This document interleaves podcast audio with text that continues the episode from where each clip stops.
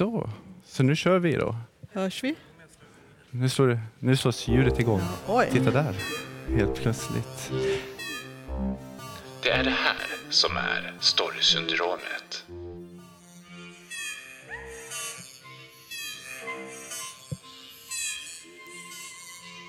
Du, eh, Kristina. Nu har vi ju smugit oss in här på ett museum och så tänker vi podda härifrån. Är det okej? Kan man verkligen göra det? Du vet att jag brukar ju bli till med att prata rätt högt. Nej, men vi, vi är faktiskt inbjudna till Novellfest för att på det här på Skissernas museum i Lund och temat är andra världar.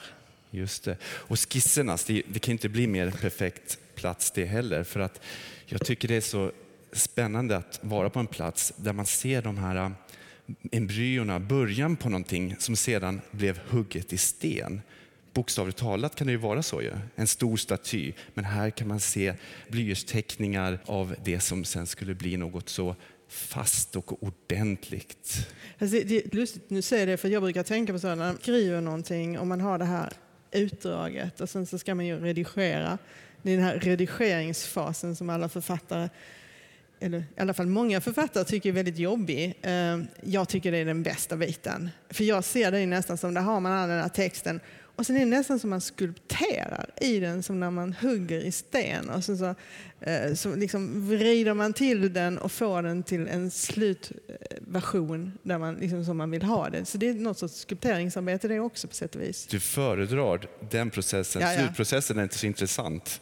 Nej, alltså själva jag, färdiga materialet. alltså jag, jag tycker redigering är det roligaste med att skriva. Ja.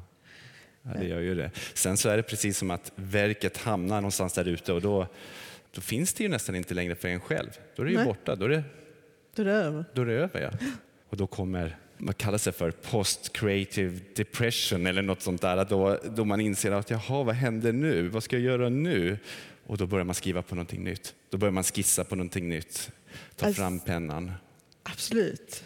Eh, Och men det finns ju alltid en panik när någonting är klart också för du kan ju inte ändra någonting så du måste kasta dig in i något nytt. Man måste För tvinga annars blir man ju liksom, om man slår upp en nyutgiven bok så hittar man ju alltid ett korvfel. Ja. Det är ju nästan det är en lag på det. Och då blir man helt, åh vad hemskt, hela boken är full med fel, det är det enda läsarna säger. Så det är bättre att ge sig in i nytt. Är nytt, ja. Och om man då befinner sig på ett museum tänker man, så brukar vi också få höra att skriv där du står, brukar jag säga. Gräv där du står, säger man. Men skriv där du står så får man höra att använd dina egna erfarenheter. Men om vi är på ett museum, då är det ju andras erfarenheter. Jag tänker lite att det, det man går in i, en författare går ju in i en ny roll när man är författare. Det är då man, liksom, man kastas in i andra världar och eh, man eh, frammanar karaktärer och, och så vidare. Och eftersom jag då skriver mest science fiction och fantasy och skräck och sånt där som inte är precis skriv där du står eller vad jag känner till för att eh, jag kastar mig ut åt andra håll. Och då, när jag började med det så, så läste jag en, faktiskt en bok av Arthur Phillips som är en amerikansk författare som heter eh, Egyptologen. Och då skriver han i sina slutord, och det är någonting som jag faktiskt alltid har, har tagit med mig, för han skriver då efter man har läst hela boken så, så, skriver, så skriver han Hemingways, för det är han som myntade begreppet, du vet ju.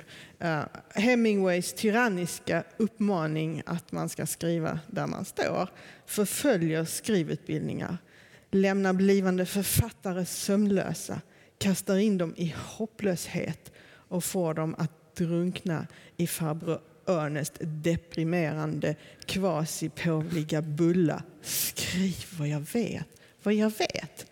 Men om jag inte vet något, i så fall ingen oro, för det finns alltid British Museum.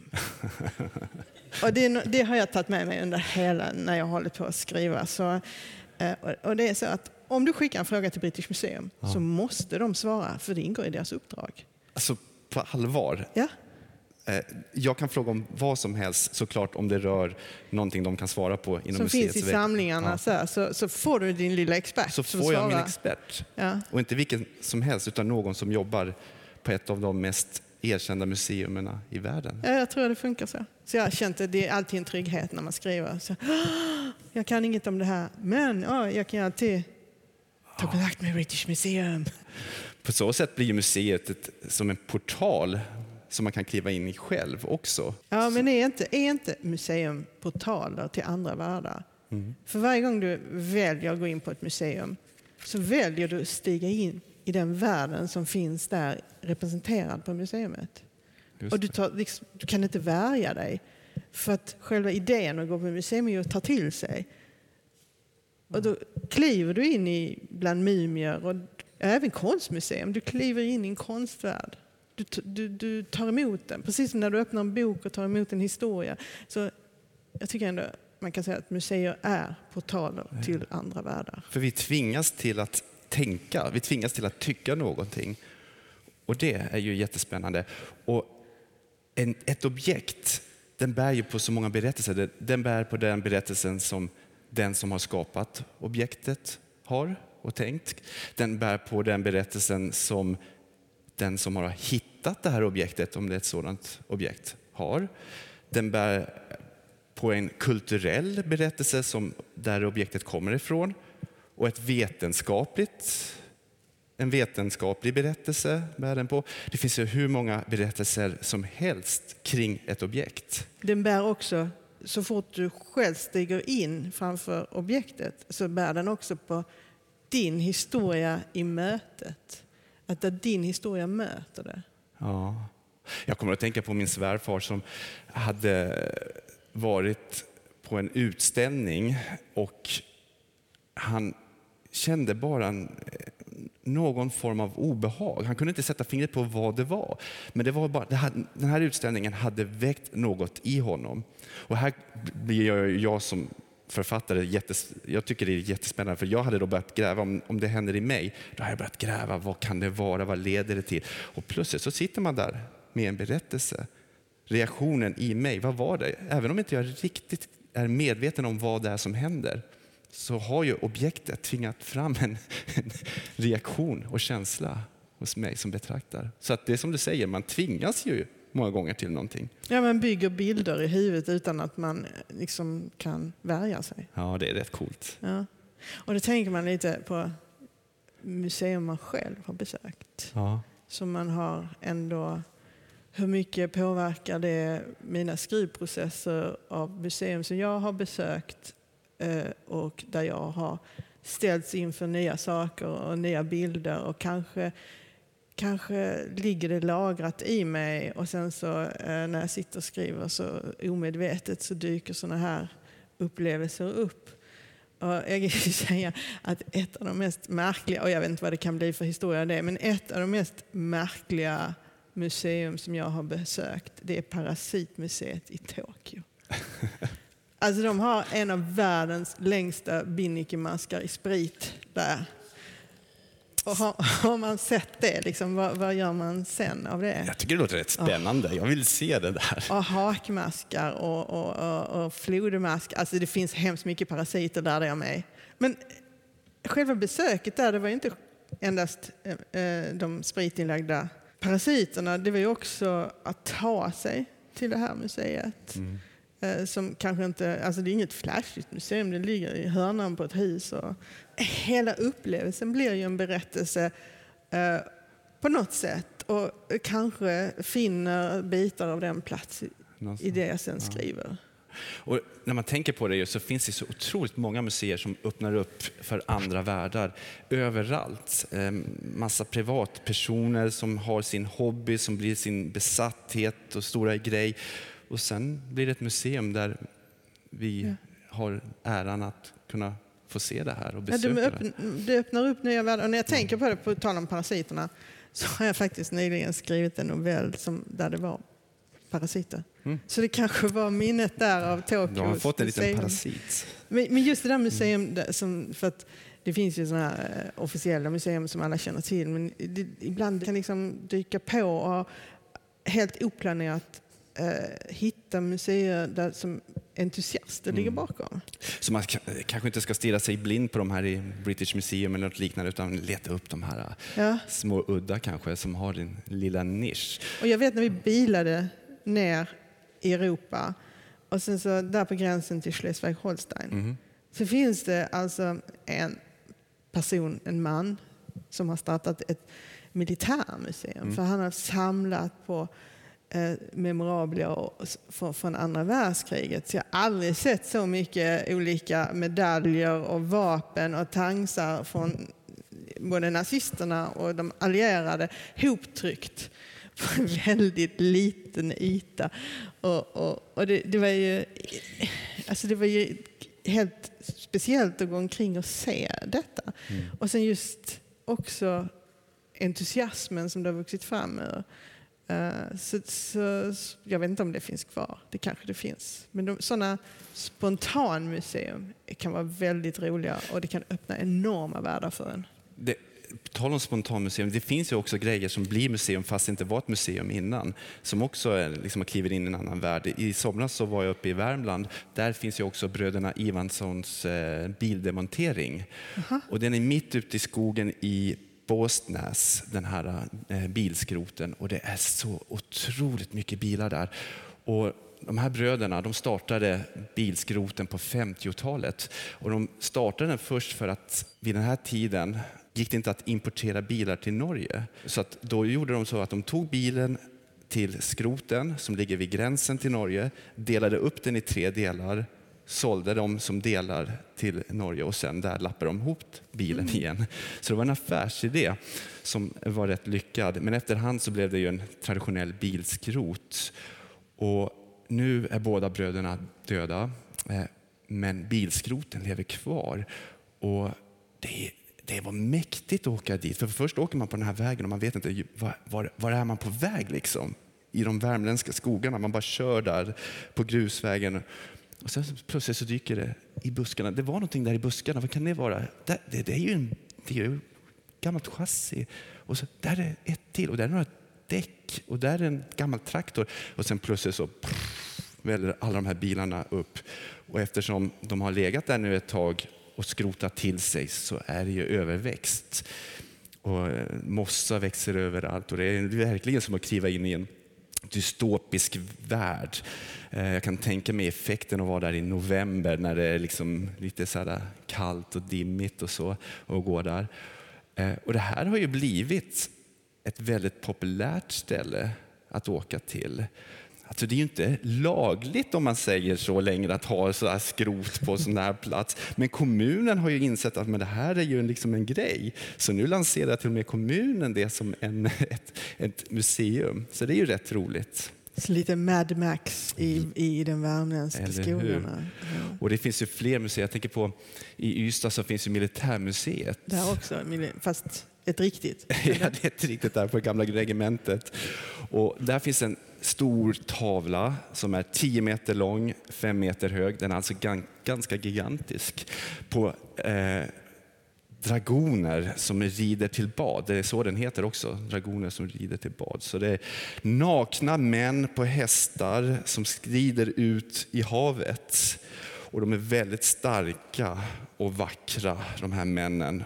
Och hästarna är ståtliga. Och jag fick ju höra det här äh, när jag jobbade eh, på konstmuseet i Ystad att eh, det var konstnären hade plockat Eh, dragonernas ansikten men andra killars kroppar och lagt, lappat ihop. Och det tyckte jag var en jättespännande historia. Men sen har jag hört att det inte alls är så. Jag har ingen aning. Eh, utan däremot har han använt personer som han känner. Som till exempel sin son, sin 16-åriga son är där. Men även andra soldater och överstar. Och när man sen börjar titta på de här personerna, vem de är, så, så får man ju veta att det finns en enorm spännande historia bakom flesta av dem. Så jag tänker på en man som skulle åka iväg på ett något slags fredsuppdrag någonstans i Afrika men hamnade i en massaker och dog i, på, i tjänst. Och det är liksom en guldgruva för att få del av människors öden. Och konstnärens son, han dog väldigt ung. Och det får åtminstone alltid mig att vilja veta vad var det som hände? Varför dog han ung? Och så vidare.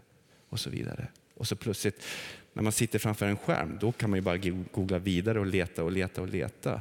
Men ibland kan man ju lyfta på luren och ringa någon som jobbar på ett museum. Fråga.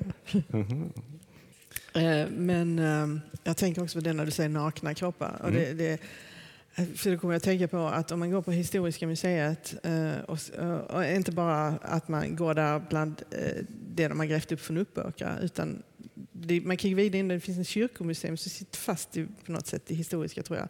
Men där det finns väldigt mycket så här krucifix som de har tagit från äldre kyrkor med en upphängd Jesus då som är eh, i alla fall seminaken som han är. Eh, och, och, och, man, och jag vet inte, så det här, det här är bara jag som liksom, en sån här spaning jag har gjort. Men om man tittar på de kropparna så är de väldigt feminina. Ja. Och då tänker jag att då satt det någon och, och täljde den här eh, som skulle upp på korset. Lokal eh, eh, snickare eller snidare. Och, eh, och kanske, kanske bara hade sin fru som förebild. Och att det är därför de ser sådana ut, att, det är liksom, att de också har, har kommit till ur ett kontext. Det är rätt kul det du säger det. För jag kommer att tänka på Norman Rockwell som var en amerikansk illustratör och konstnär. Eh, han är känd för att göra illustrationer, eller han var känd för att göra illustrationer och bilder av the American family kan man säga. Det här mest vanliga som fanns i USA. Och det var scouter och det var eh, familjeliv och eh, damer hela vägen i hans teckningar och målningar. Men de blev så otroligt populära de här bilderna. Det var inget exotiskt alls. Varför blev de så populära då? Jo, det var för att han plockade fram någon berättelse som alla som såg de här bilderna bar på och fångade den. Och då tänker man sig att han, hade en fantast, han måste ha haft en fantastisk känsla då för det här. Mm. Han arbetade väldigt systematiskt.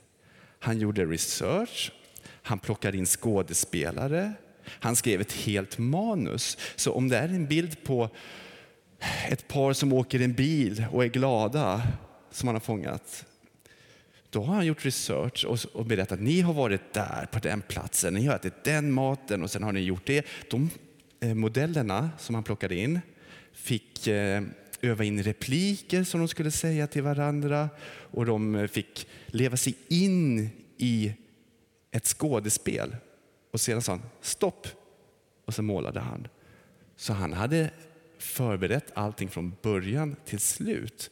Men det gjorde också att han fångade en berättelse som vi sedan, som ser de här illustrationerna, kan haka fast i och eh, ta del Det av. som ligger bakom. Liksom. Ja. Han jobbade som en författare. Han jobbade som en författare så det var väldigt medvetet. Han jobbade med backstory. Backstory som bara den. Och, och det här fick ju sådana kända regissörer som till exempel eh, George Lucas och Steven Spielberg. Eh, De har berättat att de älskade de här illustrationerna när de var barn. Särskilt George Lucas har jag hört har berättat om sin kärlek för det, så att han började samla på illustrationerna. Och sen när han fick pengar så började han köpa mer och mer och mer. Så han har startat ett museum med bara Norman Rockwells Ja, målningar. de, de är ju fantastiska. Alltså, man, man ser ju verkligen storyn. Man ser storyn. Ja. Och det, eh, han har gjort eh, den här Nitaren Rosie, har han gjort lite sina variationer av. Det är en annan som har gjort en sån illustration med en kvinna som håller upp sin höger arm. Ja, hon som står där som en kvinnostat. Precis. Kvinna hette det på den tiden. Ja, som användes för att eh, när männen var, skickades ut i krig Mm. och, och få kvinnor att arbeta. Och där ser direkt, till och med vi i Sverige vet vad det, vad det handlar om då för Mm. bilder. Och, och, och, så lite. och jag tänker på att, jobbade inte Carl Larsson lite grann på det sättet också? Ingen aning faktiskt. Men, eh, men, men jag känner ändå att, att det tilltalar mig som författare det här arbetssättet. Att man, man bygger upp en värld. Ja. Eh, eh, och alla världar, även de mest eh, så här, eh, social noir, eller vad de heter, detektivhistorierna, Ja. de är ju fiktiva. Eh, Det blir alltid fiktivt i slutändan. Man bygger upp den här världen och arbetar utifrån det. Men- man kan ju basera det mer eller mindre på, på eh, så, så, så kallade verkligheten. Samtidigt undrar jag, när vi ser ett objekt på ett museum, vi kliver in i en annan värld. hur mycket kan vi ta egentligen av den här världen? Hur mycket kan vi stjäla menar du? Hur mycket kan vi stjäla? Det, det är alltid en diskussion om det här, objektshistoria eller olika sånt. Hur mycket kan man ta och, Ja. och, och använda som sitt eget? Men är det, behöver man det egentligen? Behöver man, är det inte själva mötena mellan kanske olika världar, min, objektet och sånt, att det, det skapas i, att de riktiga berättelserna skapas i mellanrummet? Så vi, vi, Det vi var inne på, ja. Ja, det vi Just var inne på. Just det. För, för det där med mellanrummet, jag funderar på det också. För att jag råkade se ett par laxskinsskor. Laxskinn... Alltså fisk. fisken, inte lack. Inte laxskor som alla vet vad det är. Ja. Och, och det var så här, det här är helt skumt. Hur såg de ut? Ja, ja, men du vet. Nej, jag vet inte. skor? Har du inte? Nej, Ja, okej. jag har aldrig träffat på. Nej, Ja. men, Och det är Ainu-folket i Japan då, som har gjort de här. Mm. Och jag tänkte, men, alltså det här är ju fantastiskt, att göra skor av en fisk. undrar om de är vattentäta. Ja. Men det här, bilden av de här laxskinnskorna har alltid levt kvar i mig. Men hur ska jag kunna använda den? Alltså jag, det är det jag säger. Hur ska jag kunna använda det här? Det är inte så att jag skriver en berättelse och sen så kommer man med sina nya laxskinnskor eh, på puben. Nej. Du vet så här. Och sen så har den ett väldigt definierat ursprung Mhm. med ainu-folket. Ainu-folket, ja. Hokkaido. Hokkaido. Mm. Ja, ja. Men, men säg att du tar de skorna och sen så gör du ett par egna skor, men kanske varför inte drakskinn istället? Såklart. Ja. Så det är där mellanrummet återigen, liksom att tänka, jag har någonting här, men jag kan använda mina erfarenheter och så gör jag någonting helt nytt. Ja. Men jag använder inspirationen. Och, och, och, och, och då när, det, när vi pratar om drakar, alltså sådana som... Det finns ju två sorter. Det finns, och, och, just i Japan där alla roliga museum finns, så finns det även ett drakmuseum, alltså sådana som eh, är pappersdrakar som man flyger med uppe i himlen. Det finns ett jättelitet drakmuseum som har hur många drakar överallt som helst. Så man går in i en värld och det bara hänger drakar över en. Eh, Men så finns det ju de här riktiga drakarna. Så när, om man då tänker att skor av drakskinn. Eh, Och det får jag tänka, och, och det Eh, associerar det till för att förr i tiden, och då kanske folk tänker att ja, det blir såna här gröna skor, smaugskor. Men eh, förr i tiden, om man bara ser till här där vi är nu, så var inte drakar det som vi nu genast associerar när vi ser Game of Thrones eller då Sagan om ringen. Eller Hobbitsens resa om jag ska, ska vara korrekt här nu. Utan drakar beskrivs om man tittar Eh, på sådana här eh, ögonvittnesskildringar från förr i tiden som faktiskt finns kvar. Så kan de beskrivas som att de var långa. Eh, de kunde ha ett huvud som var mer hundlikt. Morrhår som katter. De var vita. Och de hade fiskkroppar och slingrade sig fram genom himlen. Och då tänker jag i och för sig på falker i den oändliga historien. Eh, men så, så beskrivs ofta drakarna, och här i Skåne alltså. Eh, och, och det finns en fascinerande, just nu när vi sitter på Skisserna museum, det finns en, jag sa fascinerande, men tragisk historia eh, om en teologistudent i första halvan av 1800-talet som hette Zacharias Emanuel Svansten som var hitskickad, han var prästson. Och man ärvde ju yrken, eller det gick, det gick i familjen så att säga. Men Zacharias Emanuel ville inte bli präst. Utan han, hans stora passion var botanik. Eh, Och sen så kom han från ändå ganska fattiga förhållanden, som jag har förstått det. Och eh, hans far, eh, prästen, eh, han hade tagit till flaskan. Så, eh, och, och Zacharias var enda barnet för att hans mor hade dött när han var liten. Fadern hade gift om sig men eh, de kunde inte få barn vilket ledde till den här tragedin. Och, eh, hans far eh, han började dricka. Och, och man kan se det i, i de här eh, husförhörslängderna att handstilen den, liksom, den går lite överstyr och sådär. Så till slut så kunde inte de eh, finansiera de här studierna som Zacharias Emanuel skulle göra. Och, och då väntade ju inte något speciellt roligt liv för han hade liksom inga framtidsutsikter. Eh, och Zacharias var lite ovanlig för han var inte riktigt som de andra studenterna som gärna eh, festade, för det gjorde man redan i Lund. Mm. Utan han, han eh, hade ju sett effekterna hemifrån så han, han var absolutist. Och, och så, han satt hela och, och, och, letade i gamla papper och läste liksom arkiv och böcker. Och så där. Och då, då ska han ha hittat den här historien och, som egentligen är ännu längre tillbaka i tiden. Att när Uppåkra fanns och Lund inte fanns och här inte var någonting, alltså stadsbebyggelse. Men det ska ha bott en drake här. Och, och, det fanns då en sägen om att den här draken satt på en skatt. För sånt gjorde ju drakar mm. förr i tiden. Och Sakarias, han ska ha fått liksom listat ut var den där skatten var begravd. Om han hittade den då kunde han liksom strunta i hela liksom sin fulla far och, och, problemen där hemma. Och han kunde börja studera botanik och liksom få det liv han ville ha. Så han, eh, han eh, bestämde sig att han skulle försöka hitta skatten. Och drakskatter måste man, eh, alltså det är inte bara liksom att hitta dem.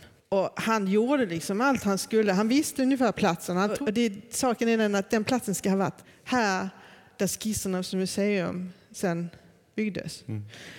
Så han gjorde vad han skulle. Han, han, han gick hit en natt och det var, inte, det var en helt annat. Det var, ganska, det var inte folks, det var rätt öde och mörkt och hemskt på den tiden. Det, fanns det var inte gatubelysning och sånt så det var mörkt. Och, och, och, så han gick dit och det var då på hösten och det var blåsigt och kallt och mörkt. Och han hade skurit tre spånor från farfars klockan med en kniv som han hade virat in i ett eh, bibelblad.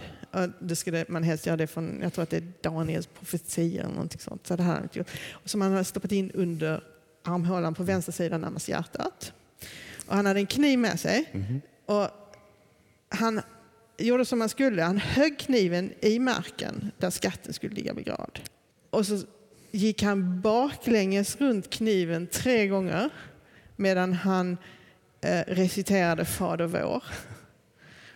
Och så spottade han sen på platsen. Och gör man det här så, så blir drakskatter synliga, för man kan inte gräva upp dem annars, så då ser man ingenting. Men han gjorde allt det här och sen började han gräva. Och när han höll på där och gräva och hade stötte på någonting som låg där som visade sig vara en guldklimp. Och det var, liksom, det var det första han hittade. Och, och, och då var liksom, då var jag hans lycka gjord. Ja. Så var det några andra studenter, också teologistudenter, som han umgicks ju inte med dem för att de festade. Han, han hade andra intresse, han ville till botaniken. Men de tyckte nog han var lite löjlig och de kunde väl håna honom. Och de hade ju liksom sett han försvinna iväg. Eh, så de hade följt efter. Och låg och gömde sig eh, bland buskarna och såg vad han gjorde. Och tänkte de att ja, men det här är jätteroligt, nu ska vi spela honom ett spratt. Mm. Och då är det väldigt viktigt att när man gräver upp skatten så får man inte yttra ett ord. För då, då försvinner allting. Eller så dyker det upp, får man hemska syner och allting sånt där. Då, det är liksom lite djävulens verk. Så de, men de, de rusade fram mm. och skrek och skramlade och gjorde oväsen. Så Zacharias blev så rädd så han föll död ner. Oj. Och den här guldklimpen han hittat, ja. den bara liksom förkolnade, eller förstenade. Den blev till sten, svart sten. Och de här andra studenterna blev så himla rädda så de bara rusade iväg. Och så ingen hittade Zacharias förrän han hade börjat ruttna. Och sen begravdes han, jag tror att han ligger i västra hörnet eh, på den här gravplatsen som är nedanför Botaniska. Så det finns en liten oansenlig grav, men den här svarta stenen blev hans gravsten och där står Zacharias Emanuel Svansten. Sten, jag ska definitivt leta efter den där stenen, men är det sant det här? Ja, det låter som en dörr. en gammal ja. dörr. Zacharias Emanuel Svansten kanske är påhittad, men allt annat är sanningen. Tack så ni ha.